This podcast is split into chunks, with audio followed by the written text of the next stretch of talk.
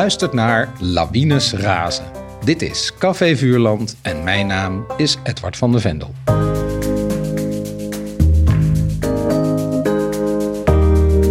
In deze podcast herlees ik klassieke kinderboeken met auteurs van nu.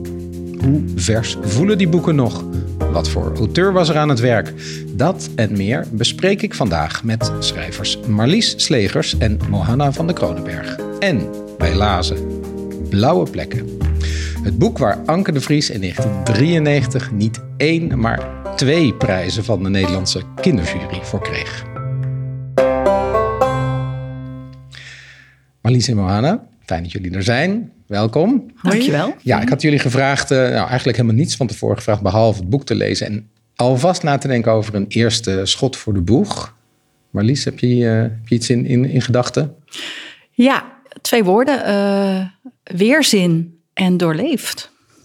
Bij het boek. Ja.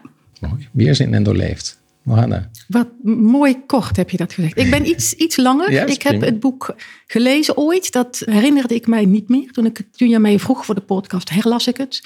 Toen had ik moeite met het boek. Ik kon me niet inleven. Ik voelde het niet. En ik vond dat toch jammer van een boek wat... ehm, ik kom net kijken, ook in de jeugdliteratuur. En eh, Anke de Vries heeft hier 27 drukken. 100.000 exemplaren. Ik dacht, ik wil het herlezen om mijzelf en het boek de kans te geven... toch iets mee te nemen wat het boek, eh, waarvoor het bedoeld is. En mijn tweede indruk was eh, heel wat positiever dan mijn eerste indruk. En hoe dat kwam, dat dat toch meer binnenkwam, dat kunnen we misschien bespreken straks. Ja, mooi. Cliffhanger heb je geleverd. Daar gaan we het straks over hebben. Eh, ik wil jullie graag even introduceren. Marlies, ik begin bij jou. Ja, ik heb er allemaal dingen opgezocht. Dus het kan zijn dat ik ergens iets zeg wat niet klopt. En dan kijk, kijk bedenkelijk en ik eh, ga corrigeren. Volgens mij studeerde jij commerciële economie. Ja, Ja. niet meteen dat wat je bedenkt bij een eh, schrijver. Maar al heel snel ging je meedoen aan schrijfwedstrijden. Later zelfs naar een schrijfopleiding. En begin 2000 ergens, ik weet niet helemaal precies wanneer... maar kwamen je eerste verhalen. Volgens mij eerst, kon ik niet helemaal achterhalen... maar volgens mij eerst in opdracht geschreven over diabetes. Ja, was niet zozeer een opdracht als wel een opdracht die ik mezelf gaf voor mijn eigen kind met diabetes. Ah ja, dat was eigenlijk je, je debuut, maar je eerste echte kinderboek bij een uitgeverij was volgens mij Het Limonadevliegtuig bij uitgeverij Kluitman 2007. En je had en hebt daarna een enorme productie gehad met series, bijvoorbeeld eh, Help, we hebben een dierentuin of de serie over hockeyteam De Sterren en vooral natuurlijk de I Love Live serie. Met heel spannende boeken voor jongeren, zowel wat dikkere boeken als novelles. En intussen verschijnen je boeken vooral bij Luiting Seithof. Zoals afgelopen jaar zo'n spannende novelle. Het heel pregnante Broers. Ik heb het net gelezen over een schoolshooting. En verder maak je de laatste jaren veel indruk eh, met psychologische kinderromans. Zoals We moeten je iets vertellen, dat 2023 verscheen. En Briefjes voor Pellen van een paar jaar terug. Dat ook nog vertaald werd naar het Kazachstaans. Ja, ook nog een andere talen, maar deze sprak echt aan Kazachstaans. Volgens mij ben je de eerste Nederlandse kinderboekschrijver die in die taal verschijnt, denk je niet? Ik heb geen idee eigenlijk. Zou ik moeten uitzoeken. Ja, Ja, is het er al? Eh, het is er nog niet. Ja, het is er eigenlijk al wel. Ik heb het al wel gezien, nieuw omslag gemaakt. Drukproef heb ik helemaal mogen bekijken. Ik spreek nul Kazachstaans, dus ik weet niet wat er staat. Maar ik ga ervan uit dat het klopt. En het verschijnt in 2025 pas. Oh, Maar het is er al wel. Oh. Ja, het is er al een half jaar. Of Dus het ligt ergens in de stapels te wachten in een Blijkbaar. eh, warenhuis Ja. in eh Ja, Astana. geen, geen flauw idee eh, hoe dat werkt daar. Ja. Nee, dat weet ik eigenlijk niet. Ja. Ehm, Briefjes voor Pellen is wel een soort sleutelboek, denk ik, Ja. in je werk. ja. Kan je iets zeggen over de betekenis van het boek in jouw werk of voor jouzelf? Nou, wat leuk was, is, is dat eh Pelle zat al tien jaar in mijn hoofd hoor, voordat ik eh, überhaupt het boek uitbracht. En ik schreef ook al tien jaar lang stukjes, zinnen hierover. Ik had dit idee al heel lang. Een idee, een jongen die. Het gaat over rouwverwerking ja, een eigenlijk. hè? jongen krijgt een, een jaar na het overlijden van zijn vader een schoenendoos gevuld met briefjes en kleine voorwerpen die ingepakt zijn. En hij mag één keer per week maximaal een, een genummerd briefje openmaken. En het gaat over het helpen, verwerken van die rouw. Maar het gaat voor mij vooral over liefde. De liefde van een vader voor zijn kind. Ook al is die vader er niet meer. En dat idee, daar liep ik al heel lang mee rond gewoon. En dat, dat had ik ook al hoofdstukjes van geschreven. En ik had dat ook al tegen mijn uitgeefster Tille een paar keer al jaren verteld. Van, oh, ik heb zo'n heel leuk idee.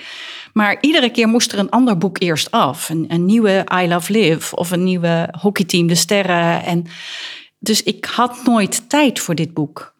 En in 2019 uh, dacht ik van ja, maar nu maak ik tijd. Ik was er klaar voor om het boek te schrijven. Ik baalde er soms ook enorm van dat als ik in I Love Live had ik soms ook een beetje wat meer literaire stukken. En die werden er rukzichtloos uitgehaald van ja, dat hoort niet in deze serie thuis. Ik dacht, oh. En ik wilde zo graag dat type boek ook schrijven. En uh, ik dacht, nou, nu, houdt niet, niets me meer tegen. Dus ik ben naar Bali gegaan. En ik heb daar een hele grote aanzet gemaakt met het schrijven hiervan. En toen was het er. Ja. En, en, maar het heeft ook meteen heel veel weerklank gekregen. Heel veel mensen Ja. hebben het echt, echt in hun hart gesloten. Er waren Ja. veel hartstochtelijke berichten. Dat was een ander soort reactie, denk ik, dan je daarvoor op je werk kreeg. Misschien Ja. kreeg je veel meer van kinderen toen berichten. Ja, voor, van kinderen krijg ik nauwelijks berichten over pellen. Het, het begon eigenlijk, de allereerste reactie was toen het was een, een, een week oud. Toen vond ik heel ontroerend en heel, daar, ja, dat raakte me echt. Het was een oudere man die zei, ja, mijn kleinzoon heet Pelle. Die heeft deze leeftijd en zijn vader is vorig jaar verongelukt. Hij zei, dit boek raakt ons zo ontzettend, maar ik kan het niet aan hem geven, want dit gaat eigenlijk over hem. En dat raakte me. Toen dacht ik, oh wauw, met deze reactie was voor mij ook duidelijk van dit gaat naar andere mensen toe, dit boek. Dit gaat niet alleen naar kinderen toe. Uh, en je moet kinderen ook overtuigen van het feit dat ze een boek over rouw moeten kunnen lezen of willen lezen. Maar vooral volwassenen, daar krijg ik heel veel mails over. Ook volwassenen die zeggen van goh, mijn vader is uh, overleden toen ik 15 was en ik ben inmiddels 40. Maar dit boek helpt mij om te helen of om dat alsnog een plek te kunnen geven. Ja, dat vind ik er heel erg mooi aan, dat Pelle dat doet. Ik doe het niet, Pelle doet het met, mm. uh, met alles hoe, hoe, hij is en hoe hij hiermee omgaat.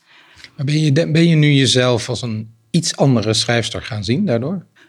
Uh, zelf niet, want voor mijn gevoel wilde ik dit ook altijd al. Ik, ik zie mezelf meer als een brede schrijver. Ik denk dat de markt me als een andere schrijver is gaan zien. En uh, wat ik al zei, als ik het in briefjes voor pellen, hè, al literaire stukken, dan hup eruit. Terwijl ik wilde dat altijd al wel. En um, ik denk niet dat ik een andere schrijver geworden ben. Ik denk dat de markt dat gewoon zo ziet. Ja. En dat het gewoon te maken heeft. Ik, ik, ik wil breed zijn. Ik wil die spannende uh, jeugdboeken schrijven. En ik wil ook dit soort boeken, maar ook de grappige jeugdboeken. Ik zie het een beetje als koken. Dat je de ene keer denkt van nou, ik maak een hele simpele mac and cheese. En de andere keer, nou weet je, ik ga eens even kijken wat ik uh, met oesters en weet ik wat kan doen allemaal. Ja. Dat. Maar het wil dus niet zeggen dat, uh, dat, dat de, deze richting de nieuwe richting is. Het is erbij gekomen.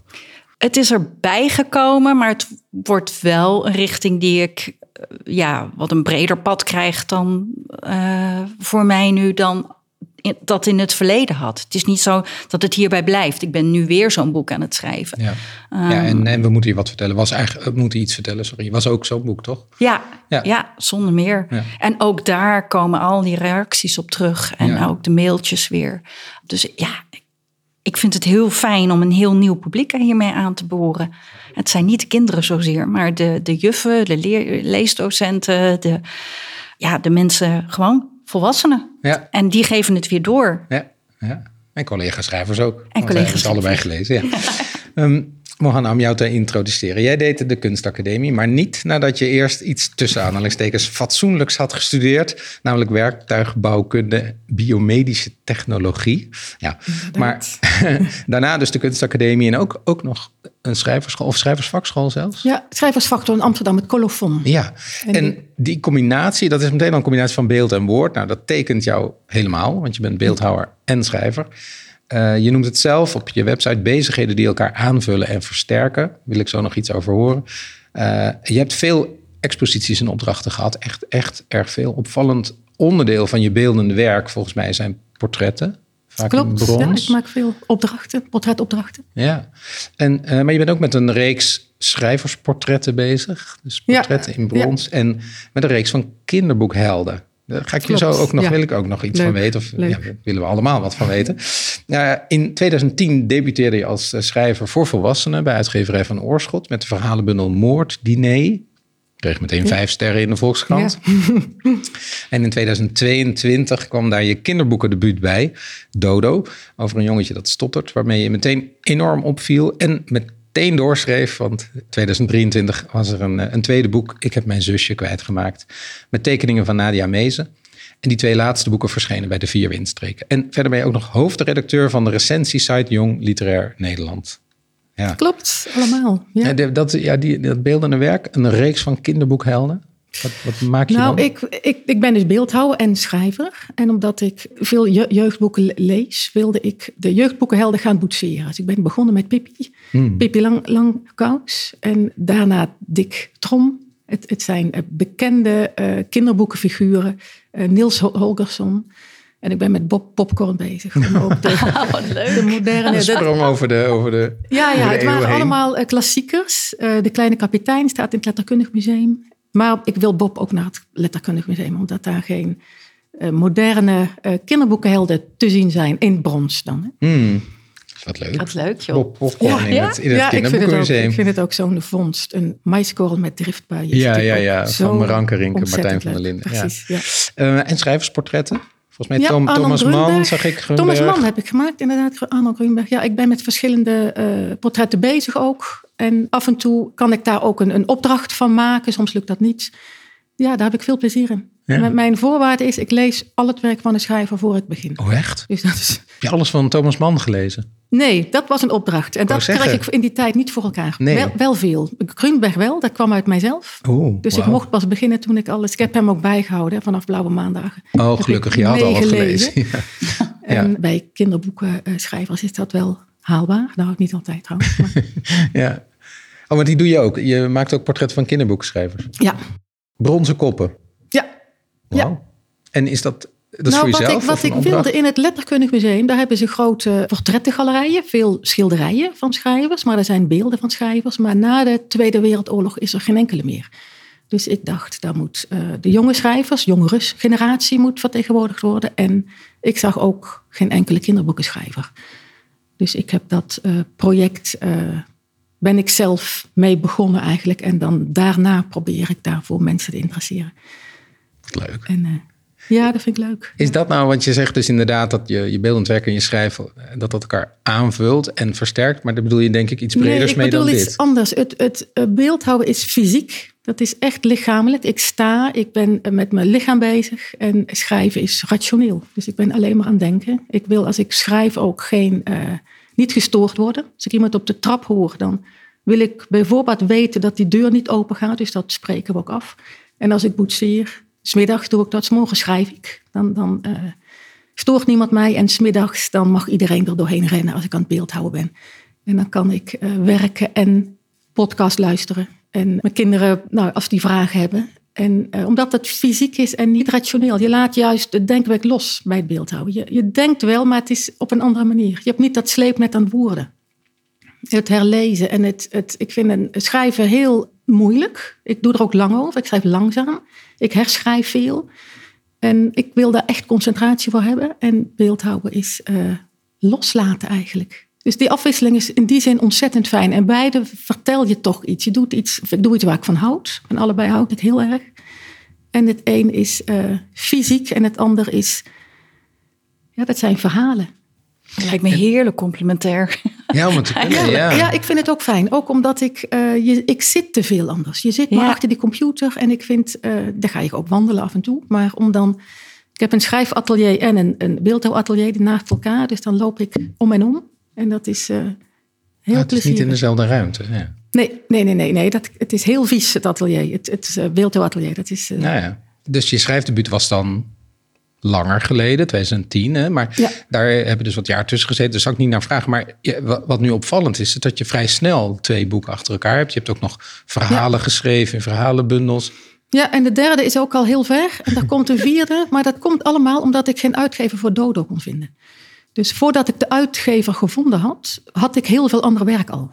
Want ik schreef verder aan verhalen. Er waren allemaal verhalen. Ik vond het zo leuk voor kinderen en zo hoopvol. En het is licht ik zoek naar een, iets lichts in een boek, al zijn mijn onderwerpen zwaar. Ik probeer uh, toch ook humor en uh, lichtheid te brengen daarin.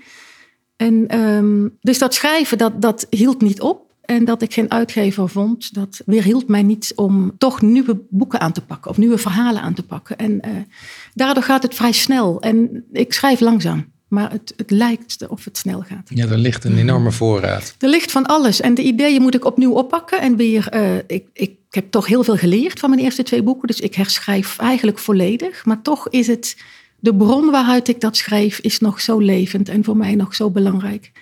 Dat ik dat boek met veel liefde oppak. En daar weer opnieuw van mij maak en iets nieuws maak eigenlijk. En dat... Ja. Uh, Ik, had helemaal, ik had het romantische beeld dat je dan ja, het ene boek had, Dodo, en dat, dat je dat gepubliceerd hebben, dus daar zo gelukkig van geworden was, dat je dacht, dit is nu en nu, dat er daardoor een nou, soort enorme ik, ik wind van... Dodo heel gelukkig. Heel gelukkig. Okay, om, dus om heel veel redenen. Dodo is voor mij natuurlijk een heel persoonlijk verhaal wat ik verteld heb. Ik, ik stotterde mijn hele jeugd uh, heel erg. Dat heeft mij volledig gevormd.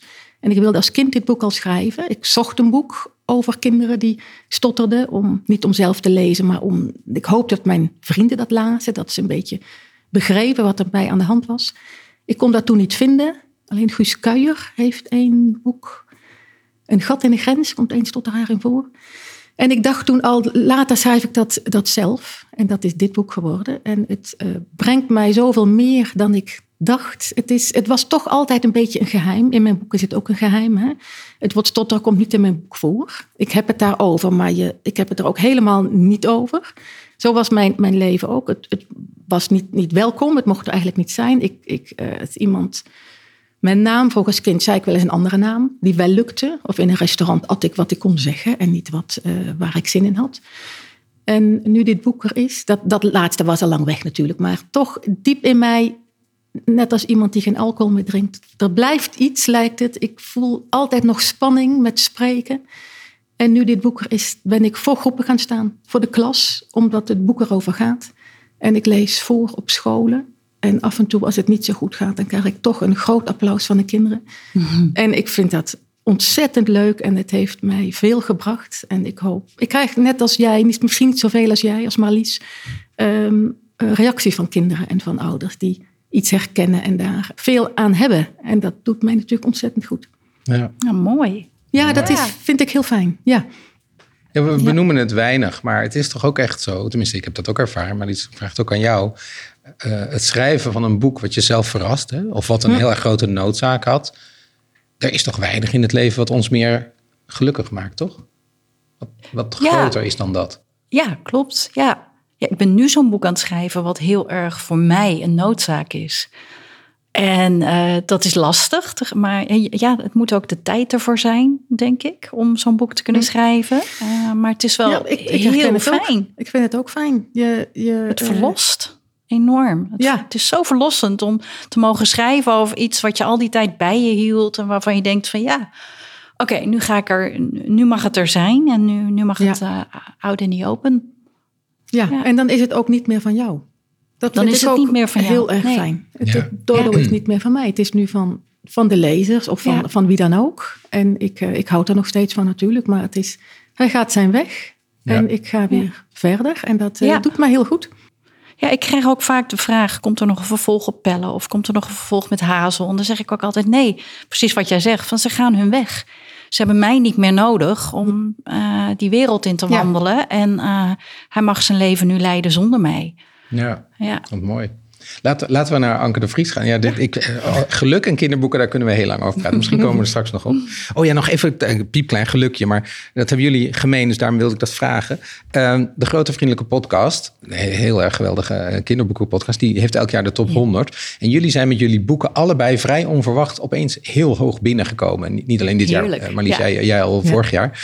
Of misschien was het jaar daarvoor, dat weet ik niet helemaal meer. Eh, nee, vorig jaar. Toch allebei vorig jaar. Ja, vorig Ja. jaar volgens mij. Ja. Ja, dus jullie waren... eh, Nou ja, Pellen en Dodo Nee, nee, stonden- nee. ik- Het jaar Oh, ja. daarvoor ook. Ik stond eerst Ja. op 35, 13 Ah, en 13, nu 9. Ja. Oké, ja, dus je bent enorm gestegen. Nou, Ja. ja. Dodo kwam ook heel hoog Ja. binnen. Hè? Maar hoe, Ja, hoe hoog ook weer eh, jaar? ze- 16. Ja, maar ja. Geweldig. Wat doet ja. dat dan? Want het is toch ook wel... Ja, dat is superleuk. Kijk, eh, we moeten je iets vertellen. Ik kwam op 32 binnen nu. En ja, dat is super fijn. Je staat er tussen al die mooie namen. En dan denk je, huh? Mijn boek? Wauw, ik vind het geweldig. En jaar dat, dat, zelfs, ja. Ja, dat, dat er dus mensen, lezers zijn die dan uh, jouw boek zo mooi vinden dat ze erop stemden. Dat vind ik heel erg, heel erg leuk. Dat het dus niet alleen afhangt van een recensent die uh, een top 10 maakt, maar een, gewoon een heel breed publiek.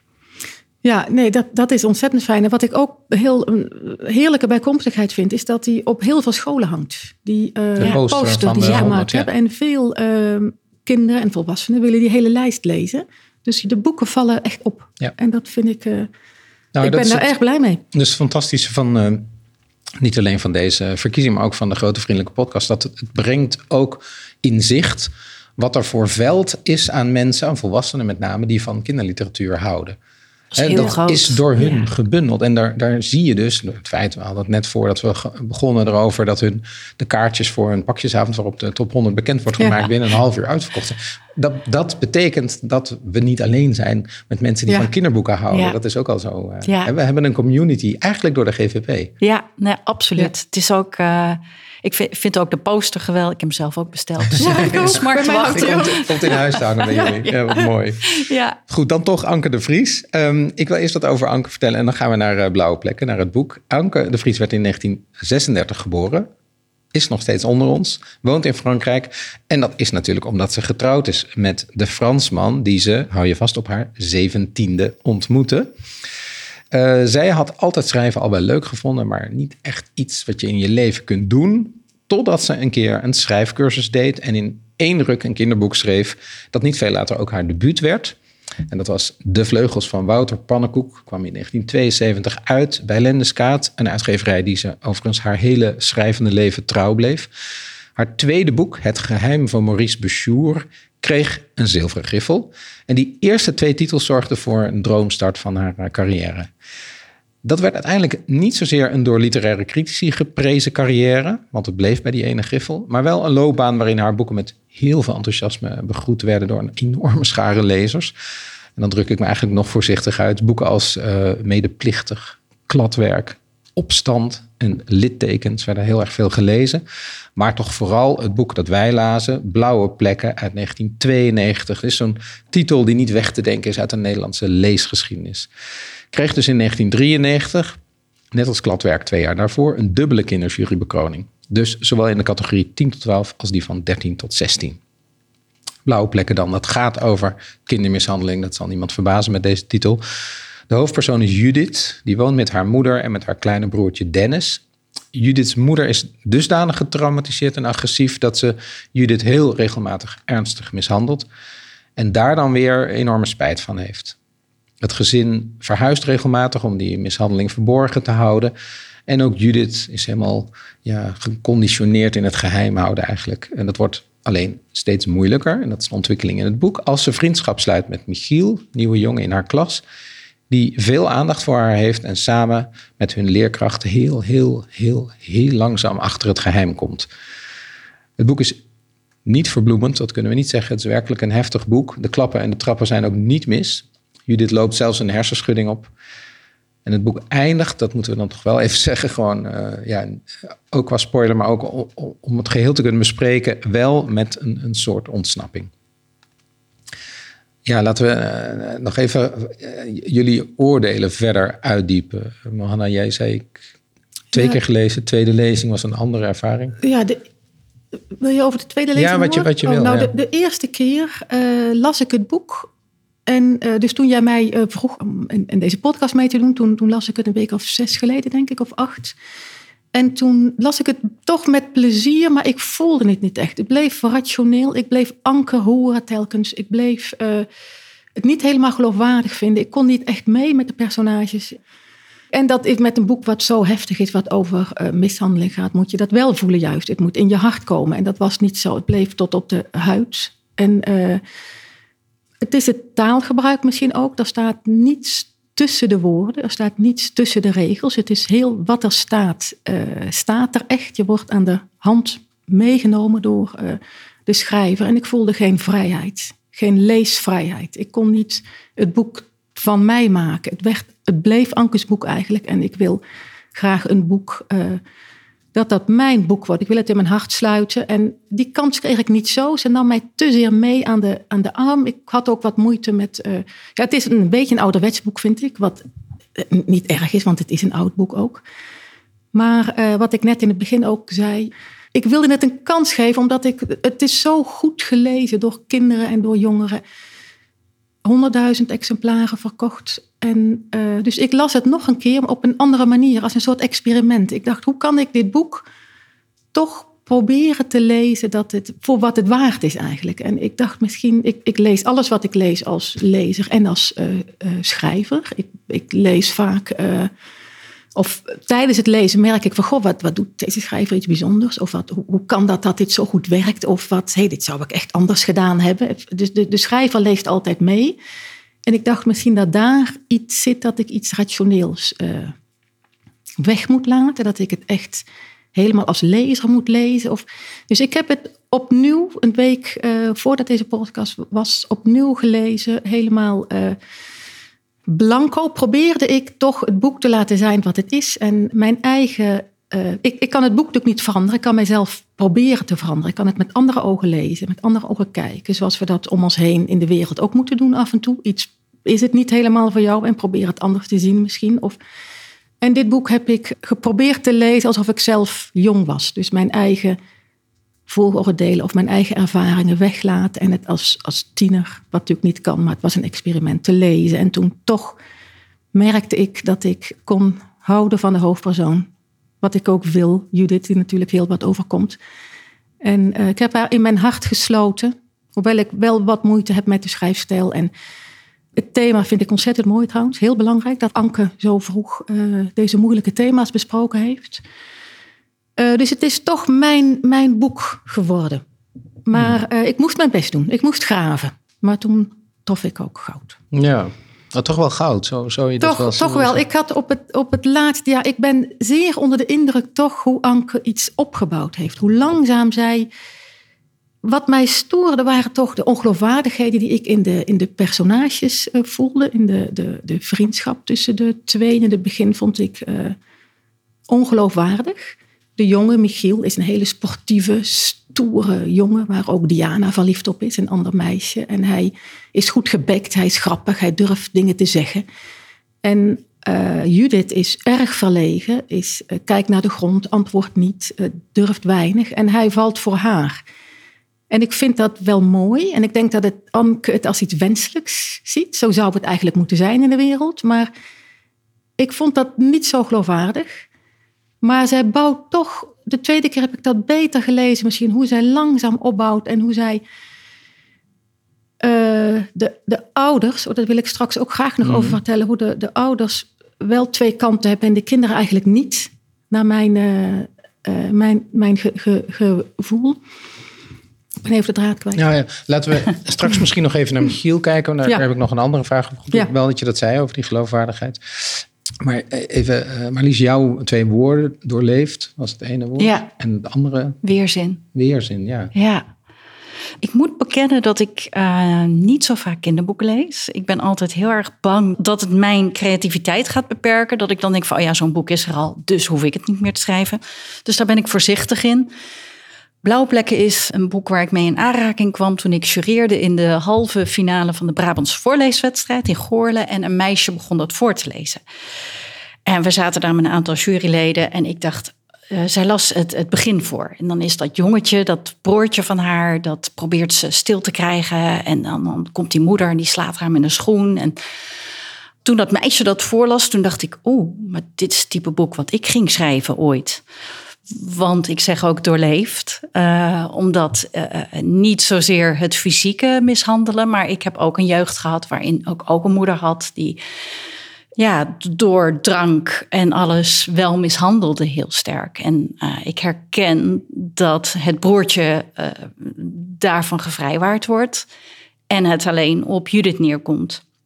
Dus heel lang dacht ik, dat boek ga ik gewoon niet lezen, want dan durf ik het niet meer te schrijven.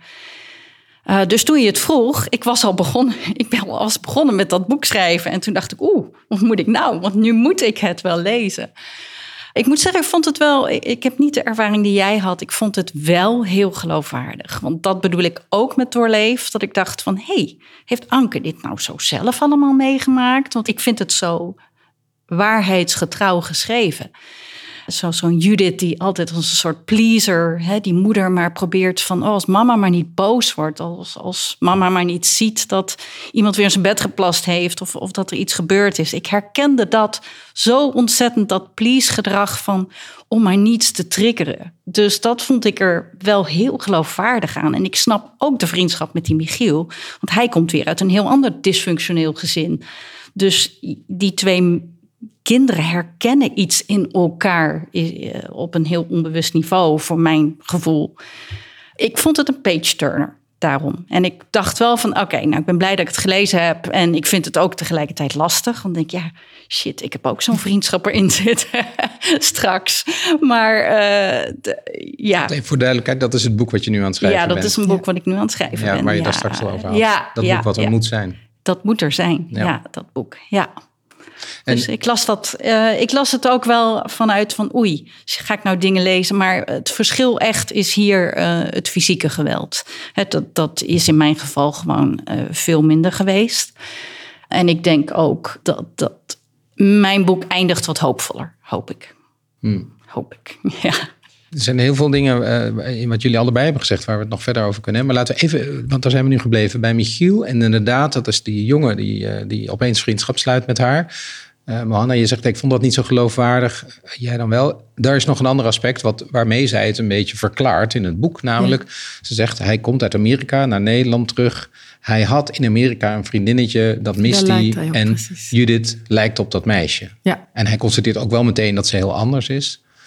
Dat vond ik wel slim bedacht. Ja, vond ik ook. Maar ik voelde het wel echt dat ze het nodig had. Ja, het ja. was bedacht als, wat op zich niet zo erg is. Wat ik als in mijn jeugd ook niet gemerkt zou hebben. Maar zo waren er een paar dingen die, ja, die, die nodig waren in het boek om het geloofwaardig te maken, vond ik. En, uh, maar ik vind het heel leuk dat jij dat heel anders hebt gezien, Marlies. Ik vind ja, het fijn ja. om te horen dat je daarin zo mee voelde. Ik wilde dat ook, vandaar dat ik het een tweede kans gaf. En dat is zeker uh, aardig gelukt ook.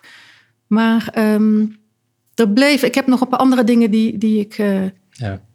Het was grappig wat ze daarover zelf zei. Over het, ze heeft een interview gegeven over het, hoe het boek ontstaat. Zo zei ze over, over Michiel. Uh, letterlijk dat er een jongen mee zou spelen, wist ik van tevoren niet. Ineens was die jongen in mijn boek. Nou, dat, ja. dat herkennen we denk ik wel. Ja. Dat ja. een boek een beetje zijn eigen gang gaat. Maar in datzelfde interview vertelt ze ook... het verbindt zij niet aan elkaar, dat doe ik. Dus dit, wat ik nu ga zeggen, slaat nergens op. Maar toch ga ik het zeggen. Um, uh, vertelt ze over haar eigen ervaring... hoe zij haar man heeft ontmoet. Nou, oh ja, lees ik even voor. Ik, ik was 17 en Laurent was 18. Hij logeerde bij een tante die bij ons in de buurt woonde om Nederlands te leren. Michiel logeert ook bij zijn tante. Uh, de dag dat we elkaar ontmoetten kende hij wel geteld één woord, goedenavond. Hij was aan het tafeltennissen en toen hij naar buiten kwam fietste ik net langs. We zagen elkaar en hij zei goedenavond. Het was meteen raak.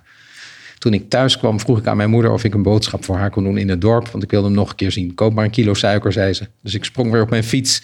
Laurent dacht kennelijk, die komt wel terug. Die was gewoon blijven wachten bij een boom. Oh, wat prachtig. Ja, prachtig. Oh, roman. Prachtig. Ik heb het gelezen, ja. ja. Maar ja, dat kende ik niet. Als Mooi. je dus in je leven hebt meegemaakt dat jongens zomaar opkloppen. Ja, ja. die jongens ken ik niet. Nee. Op die manier. Nee, ik, ik ook niet. maar niet zijn er veel jongens opgeklopt in jouw leven? Ja, nou, af en toe wel. Ja, ja op die manier, ja. ja. Nou, kijk, dat is dus de echte reden. Dat jij het wel geloofwaardig vindt en wij wat minder, ja. Nee, maar goed, dat verbind ik nu aan elkaar. Maar goed, een, een jongen die bij zijn tante logeert. Ja. Niet helemaal uh, onzinnig misschien om dat te verbinden. Nee, dat, nee. dat vind ik niet onzinnig hoor, helemaal nee, niet. Nee, nee. Ik, ik vond alleen de vriendschap die zo ontstaat terwijl er van haar nauwelijks wat terugkomt naar hem. Maar goed, dat langzaam uh, gaat dat de goede kant op en uh, ontspant zij zich wat. Maar ik vond het heel fijn dat hij zo reageert in het boek. Maar ik dacht, uh, die jongens ken ik niet. Van die leeftijd zeker niet. Die zo die ergens doorheen zijn. wil ja. kijken, die zo bereid is. En maar dan is inderdaad de reden dat hij, uh, dat Judith doet hem denken aan dat vriendinnetje. Dat is natuurlijk een heel plausibele reden, maar ja, ik had een beetje meer nodig, denk ja, ik, nee, om het te, te, begrijpen. Ja, ik was er wel heel blij mee. Ik moet wel zeggen, vanaf het moment dat uh, Michiel zijn entree maakte in het boek, vond ik het, ik vond het al een, een goed boek. Ik had het Mhm. mm -hmm. nooit gelezen, maar ik vond het nog een veel beter boek worden. Juist doordat, wat, ik dacht ook wel, als een schrijver heb je dan de verleiding misschien om hem vrij snel door te laten hebben wat er gebeurt. En dan wordt een soort heldenverhaal van Michiel. Maar dat gebeurt eigenlijk niet. Hij heeft Nee. hele, Nee. bijna tot op het allerlaatste einde heeft hij het eigenlijk helemaal niet door. Nee, en hij wordt boos ook Ja. op haar. Dat, zij zelfs voor heeft. hem, ik ben toch jouw vriend. Ja. En ze heeft, dat vond ik wel, wel heel goed. De laatste pagina's, ik had toch een traan op de ene laatste pagina. Dus er was toch iets... eh, Dat was het Echt? goud. Ja. Nee, ja, nee, dat ik echt voelde, dat was eh, dat eh, Judith afscheid van haar broertje neemt. En dus weet dat zij weggaat. De lezer weet het nog Ja, niet. dat klopt. Dat is een Maar mooie wij zin. weten het al wel. En, ja, maar dat is de hoop aan het eind. Hè. Ze, ze, ze ja, dat mag vond ik echt gaan mooi. schuilen bij Michiel. Inmiddels Ja. is ze verhuisd. Ze is van Leiden naar Nou, Den van Den Haag naar Leiden andersom. verhuisd, ja. En ze stapt in Leiden weer terug op de trein. Dat is het eh, hele laatste einde om naar Den Haag te gaan. Om Ja. te vluchten. Ja, en dat vond ik wel heel... En later is eh, haar moeder en haar kleine broertje achter. Ja. ja, Ja. en ik vond dat wel een, een hoopvol eind. Want jij hoopt dat eh Marlies boek hoopvoller eindigt. Maar dit was een mooi eind, toch? Nou, Zei nee, ik zei dat. Oh, jij Ja, zei ja. dat, oh. Ja, ja. Oh. Nee, ik, ik kan natuurlijk geen spoilers geven. Nee, maar, eh, helemaal, eh. eh, wat ik wel, ik heb datzelfde interview gelezen als Edward. En daarin zegt Anke ook van ja, ik laat haar op de trein stappen en dan weet ik eigenlijk niet meer wat er gebeurt. Ja, En dat vond ik wel heel mooi, omdat ik dacht van ja, dat is, je laat je personage los op het, op het moment dat je denkt van nou, nu redt hij het wel.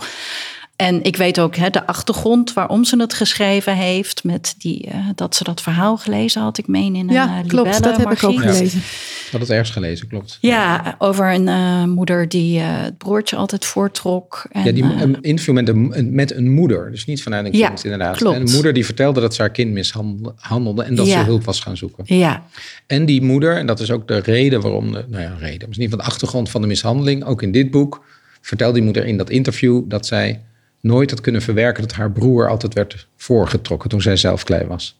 En toen kreeg ze een dochter en die dochter bleek heel erg op die broer te lijken. En dat is in Ja. dit boek Ja, zit dat er ook boek, ja. achter. Ja. ja. Maar ze Maar zei wat- ook, ze, dat vind ik wel interessant, ik weet niet wat jullie daar vinden. Eh, Anke, de Vries, de schrijfster, zegt, maar ik kon geen hekel krijgen aan die moeder. Dat klopt. Ja, dat vind ik ook eh, heel sterk van haar eigenlijk en heel modern ook. Dus iets, iets wat ik modern in dit boek vind, is dat zij in alle personages, zij is helemaal niet zwart-wit. Ze zoekt in alle personages het goede ook. En dat eh, bij de twee mensen die eigenlijk de, slechtste rol hebben, de moeder van Judith en de vader van Michiel, daar geeft een ver- ver- verklaring ook. Waarom die zo, eh, ja, zich zo ge- gedragen. En waarmee ze ook duidelijk wil dat eh, de lezer toch ook nog wat empathie voelt voor hun. Op allerlei manieren. Na de mishandeling eh, huilt de moeder zelf, is van slag, maakt ze het goed. Ze eh, houdt van haar jongste eh, zoon. Dus er zijn li- lieve dingen aan haar. Dus Anke wil haar toch een rond karakter geven. En de vader ook. Die, de vader van Michiel, die natuurlijk helemaal omgaat. Van Ja, een, echt een voor zakenman. die, die woonde met zijn zoon in Amerika.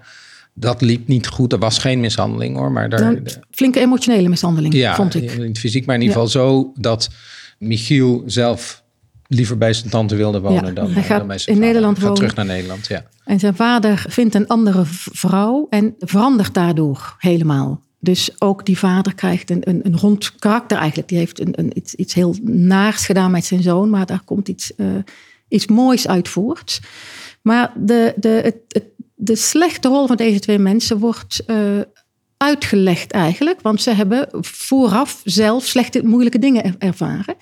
Maar de twee hoofdpersonen, Judith en Michiel zelf, die geven niks door, lijkt het. Die, Judith is zo, eh, zo ernstig, wordt zij mishandeld. Het is zo heftig dat zij eh, met een deegrol op het hoofd bewusteloos geslagen wordt. En het was echt zwaar. En ook met een mes wordt zij bijna gedood. Maar dan ziet de moeder haar zoon staan. En daardoor eh, kan zij zich be- be- beheersen.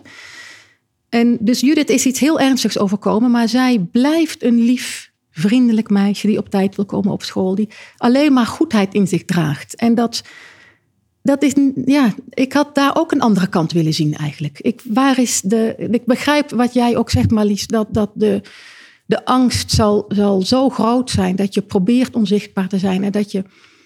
Maar ik denk, jouw personages Pelle en Hazel, die verzetten zich. Je, je voelt, die zijn ronder. Ik vond deze twee personages te... Ze zijn eigenlijk zoals Anke wil dat ze zijn, volgens mij. Het zijn kinderen met een heel moeilijke jeugd... die toch heel onbeschadigd daaruit komen. En dat vond ik niet zo geloofwaardig. Mm, ik weet niet of ze onbeschadigd eruit komen. Dat, dat weet je als lezer Nee, dat weet je niet. Maar je merkt aan het gedrag van beiden... dat ze, ja, bij Michiel in elk geval... maar die heeft ook het minder ernstig geweest natuurlijk... wat Mhm. hem overkomen is. Maar ehm, Judith is zo... eh, ja, misschien komt, komt dat verwerken nog. Dat kan natuurlijk. Dat dan Nou, dat denk hand... ik wel. Ja, Ja. ik had toch minder. Die, in- kijk, Michiel woont bij een geweldig gezin. Ja, hè? Die, heeft ja, een, die is in een Ja. fijne situatie terechtgekomen. En er is ook een situatie, heel kort, waarin eh, Judith een tekening moet maken. Een opstel schrijft. Ja, en op ze Een moet opstel schrijven, ja. maar ze gaat alleen maar krassen op het papier. Dus daar, daar zag je toch Ja, wel ja, even. ja.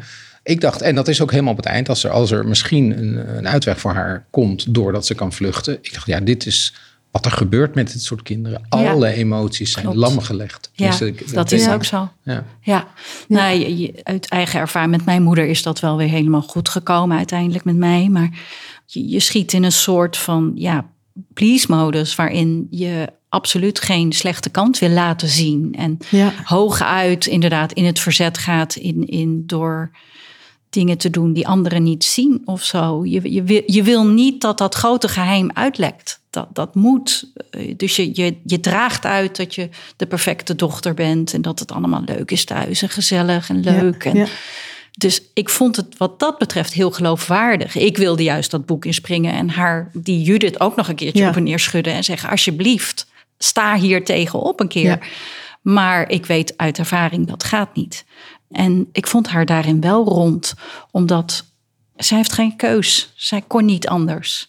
Maar ik kon ook geen hekel aan die moeder krijgen. Dat kon ook niet. Want Nee. ik denk dat ehm en ieder die dit doet, doet dit niet. Nou, weet je, niemand wordt ochtends wakker en denkt, nou, dan ga ik vandaag mijn kind eens even lekker in elkaar rossen.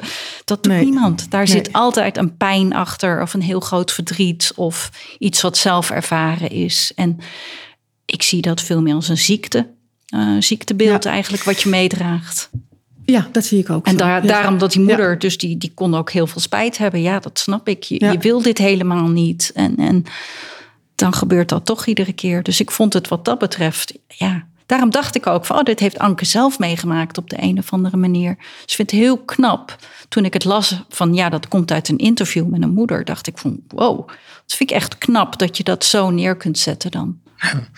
Interessant wat, eh, dat je daar toch verschillende gevoelens inderdaad bij kunt hebben. Van in hoeverre het van haar is of niet. De kritiek destijds was niemals. Dat was heel heftig. Ehm, ik wil er twee eh, stukjes uit voorlezen. Eén, en één sluit hierop aan. Dat is uit de Volkskrant. Die is overigens de nog mildere kritiek. Maar die begint zo. Het pleit voor Anke de Vries dat zij geen keurig afgerond einde aan het verhaal heeft geschreven. Omdat er voor een probleem als kindermishandeling geen pasklare oplossingen zijn. Maar wat vrevel oproept is dat je je niet kunt onttrekken aan de indruk dat dit verhaal achter een bureau bedacht is. Omdat het een onderwerp is dat volop in de belangstelling staat. Wanneer je er een boek als Brandnetels van Hans Dorrestein, was in die tijd een boek over kindermishandeling, naast legt, voel je dat die schrijver van deze rauwe verhalen precies weet waar hij het over heeft. Toon Tellige doet het weer anders in Juffrouw Kachel, waarin ook kinderen worden mishandeld. Hij heeft voor zijn hoofdpersoon ook geen oplossing, maar wel een verweer tegen wat hem wordt aangedaan. In zijn fantasie kan hij de kwaadaardige Juffrouw Kachel de baas. Anke de Vries geeft in blauwe plekken alleen gelegenheid te zwelgen in het leed van een ander.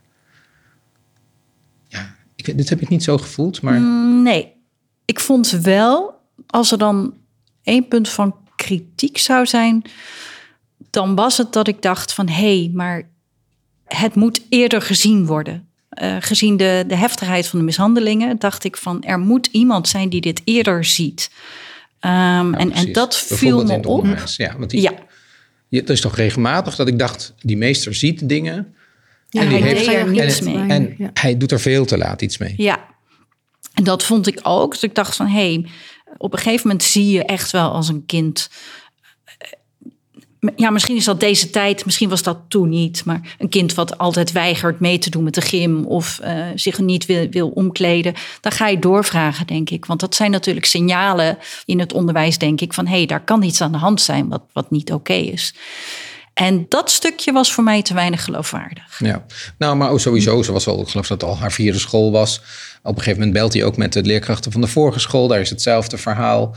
De gymleerkracht ziet blijkbaar ook niks. Ook de tante van Michiel, waar ze, waar ze dan eh, steeds tussen de middag naartoe gaat, die ziet ook wel wat, maar ook weer niet echt. De overbuurvrouw ziet alles, maar zegt niks. Zo is er een heel cordon aan mensen om haar heen. Ja. Waarvan je als je als lezer echt in het oor, nou in het gezicht wil schreeuwen, kijk dan toch, kijk gewoon wat er gebeurt. Ja. Ja. Maar het is niet een heel lange pe- peri- periode, dit boek. Hè? Het is een paar maanden misschien. ja. Dus misschien dat het daarmee te maken heeft, dat het langzaam door moest Ja, dringen. maar het perspectief is zo dat we soms ook even in het hoofd van de meester Ja, zitten. klopt. Ja, Ja. Eh, dat is Ja. trouwens een ouderwets soort schrijven. Ja. Dat, dat zien we niet zo vaak meer. En dan weten we van hem dat hij zelfs tegen zijn vriendin of tegen zijn vrouw thuis zegt Ja, van... Goh, dat is dat toch wel bijzonder met dit meisje. Die, die ja. vrouw zegt Ja. op een gegeven moment zegt wat van is dit niet iets anders? Nou ja, dan gaat hij Ja. er wel wat meer over nadenken. Maar alsnog vond ik dat wel heel... eh, Dat, Ja, dat was het stuk wat voor mij onbevredigend was. Ja, ik dacht ja. van kom op, dat meisje loopt eh, de hele tijd te hinken en heeft blauwe plekken overal. Eh, daar moet je wat mee. In plaats van ja, ik ben tegen een deur gelopen. Ja, dat geloof je Ja. na één keer niet meer. ook Lijkt artsen mij. niet, hè? huisartsen of wat dan ook. Die moeten toch ook Ja. dit soort dingen zien? Ja, ja. En ik denk wel, eh, hè, ik, ik, ik heb vaak in oude raden van de scholen van mijn kinderen gezeten. En tuurlijk kun je wel eens een vermoeden uitspreken van hey, gaat het wel lekker met dat kind, inderdaad. En, en dat meld je dan bij een vertrouwenspersoon op school. Maar ja, het, het is wel zo dat niemand durft zijn vingers er misschien aan te branden om, om zoiets te melden. Misschien wel Om- dat de tijd is ook meer dan nu. Ja. Dat je nu meer eh, vertrouwenspersonen hebt. En dat Ja. er toch eerder op gelet wordt dan Nou, dat we zouden ook nooit meer zo'n boek uitgeven zonder op het einde verwijzingen naar ja, dat, instanties waar je dat naar viel me ook op. Ik dat dacht, zit er helemaal niet in. Ja, ik Niks. dacht, je moet En Anke daar had iets ook mee. geen verhaal misschien. Als het te snel ging. Zij moest toch ook rekken op een of andere manier. Om langzaam eh, de, te doseren dat dat meisje de kans krijgt om zelf... Uiteindelijk is zij het zelf die de, de stap zet om weg, weg te gaan. Misschien dat daar ook iets Dat is ook een enorme ze- verlossing hè, voor de lezer. Dat ze Dat ze het uiteindelijk... zelf doet, ja. Ja. Ja, Ja, ja. dat vond ik ook. Ja, Ja. En toch vond ik dat juist weer niet zo'n bevredigend einde.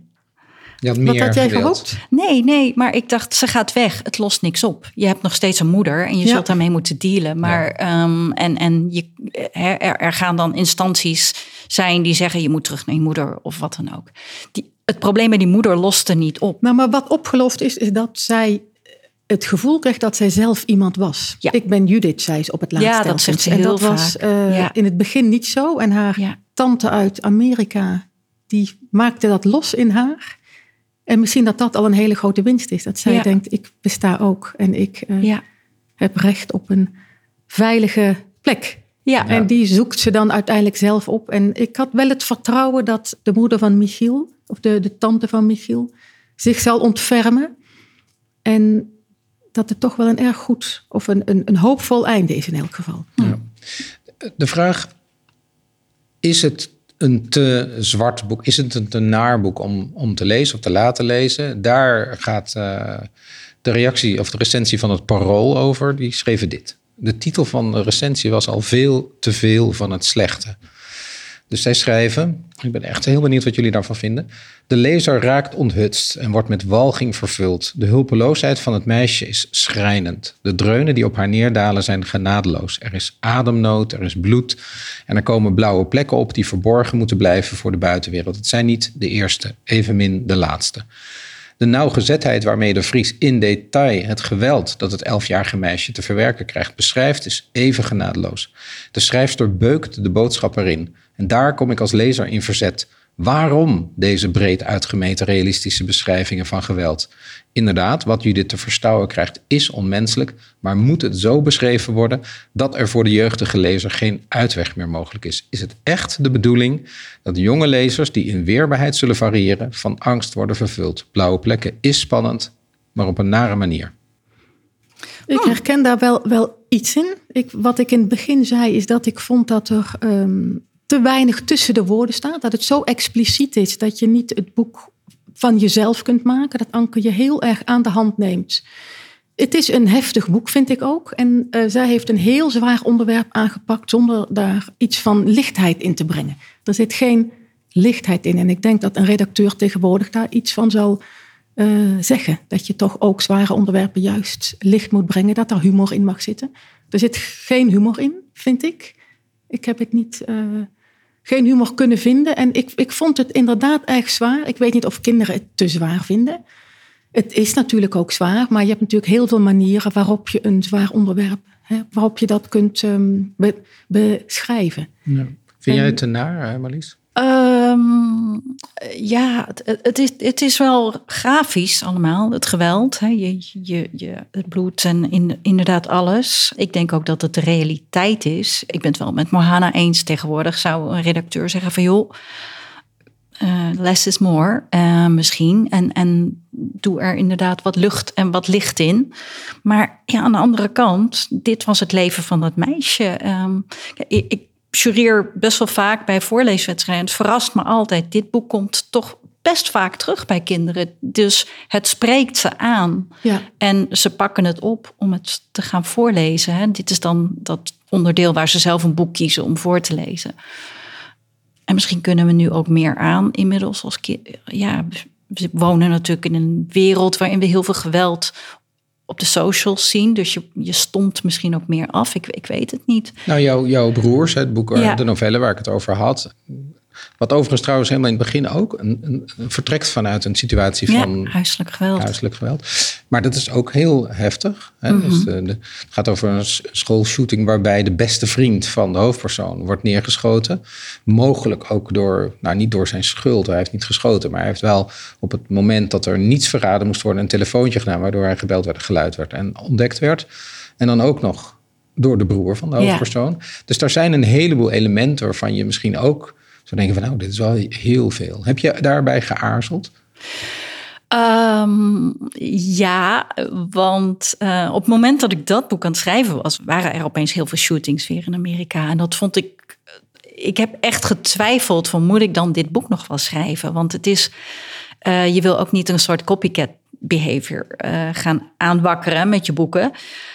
Maar ik dacht, ja, ze gebeuren wel, die schoolshootings. En ik wilde eigenlijk het vertrekpunt maken dat die Carlos zo is geworden vanwege dat huiselijke geweld ja, de, de hele tijd. Ja. Dus die, die, die hele tijd, die vader die hem op hem inbeukt en, en hem dan ook nog verlaat. En hij is van God en iedereen verlaten. En ik wilde meer van hoe, hoe word je zo en, en hoe, hoe kan dat? En dan heb je nog een jonger broertje wat enorm naar je opkijkt en uh, je geweldig vindt en bijna niet kan geloven dat jij dat doet. Ik had eerst nog wat hele grafische scènes erin zitten.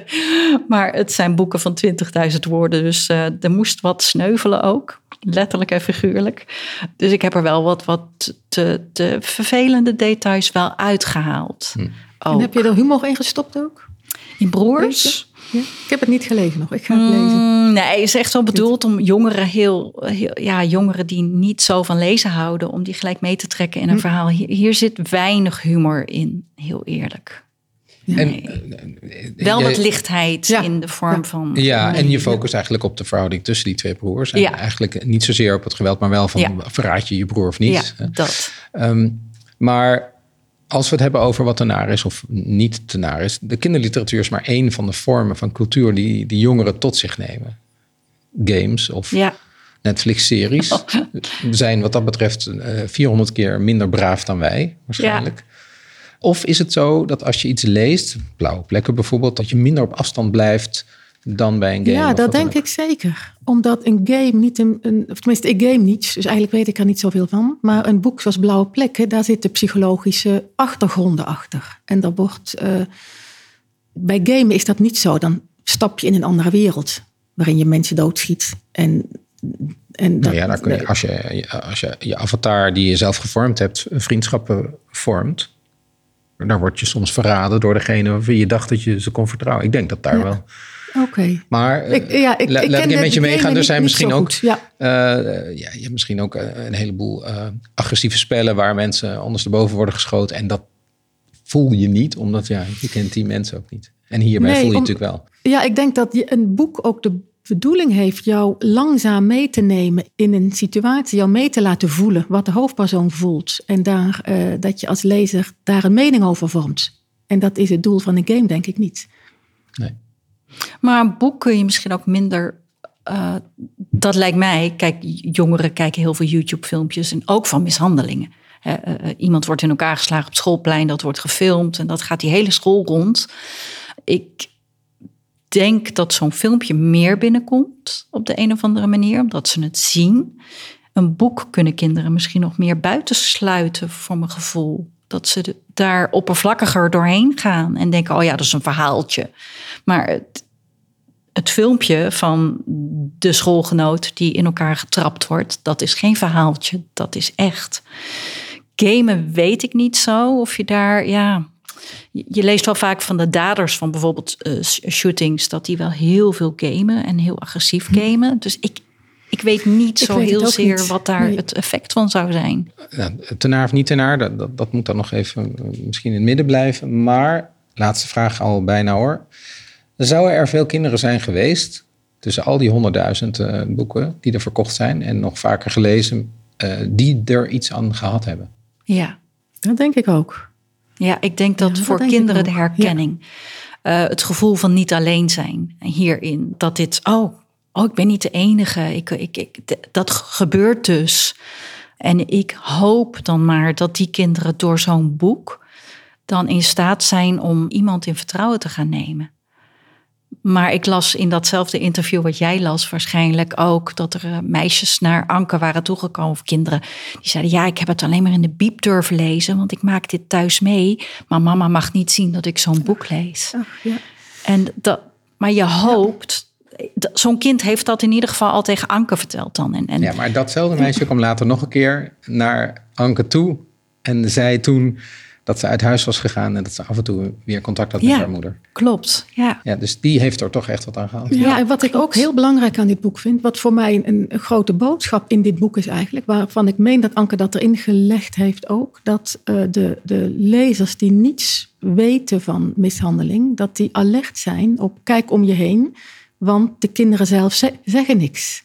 Dat vond ik een heel belangrijke boodschap eigenlijk, dat je, uh, dat je het niet ziet.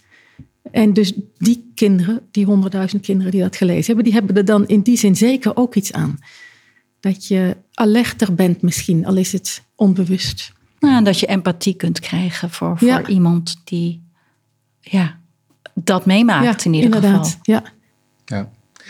Dus misschien kunnen we dan toch concluderen dat het woord wat jij zei, Mahana, goud, dat dat ons, laatste, ons laatste woord moet zijn over dit boek. Ja, ja, ik, Vind het, ik vond het ook heel mooi jou te horen, Marlies. Je hebt het weer anders gelezen als ik. Ik vond het uh, fijn. Ik ga het later nog weer eens lezen en dan zal ik aan deze podcast terugdenken. Ja. Ik ga het niet meer lezen, want ik... je gaat het graag. Ja, jij moet je eigen boek gaan schrijven. Ja, maar die ga ik ook lezen. Ja. ja. Goed, laten we met het goud eindigen. Ik vond het een, een belangrijk boek ook. En een belangrijk gesprek. Zeker, ja. Dank jullie wel. Ja, jij ook. Dankjewel. Dankjewel, Edward. Heel fijn. Dit was Lawines Razen een podcast van Café Vuurland. De gasten in deze aflevering waren Marlies Slegers en Mohana van de Kronenberg. De montage was in handen van Ignaas Schoot en mijn naam is Edward van de Vendel. Je kunt alle informatie uit deze aflevering nalezen op www.vuurland.nu. Klik dan even door op Café Vuurland.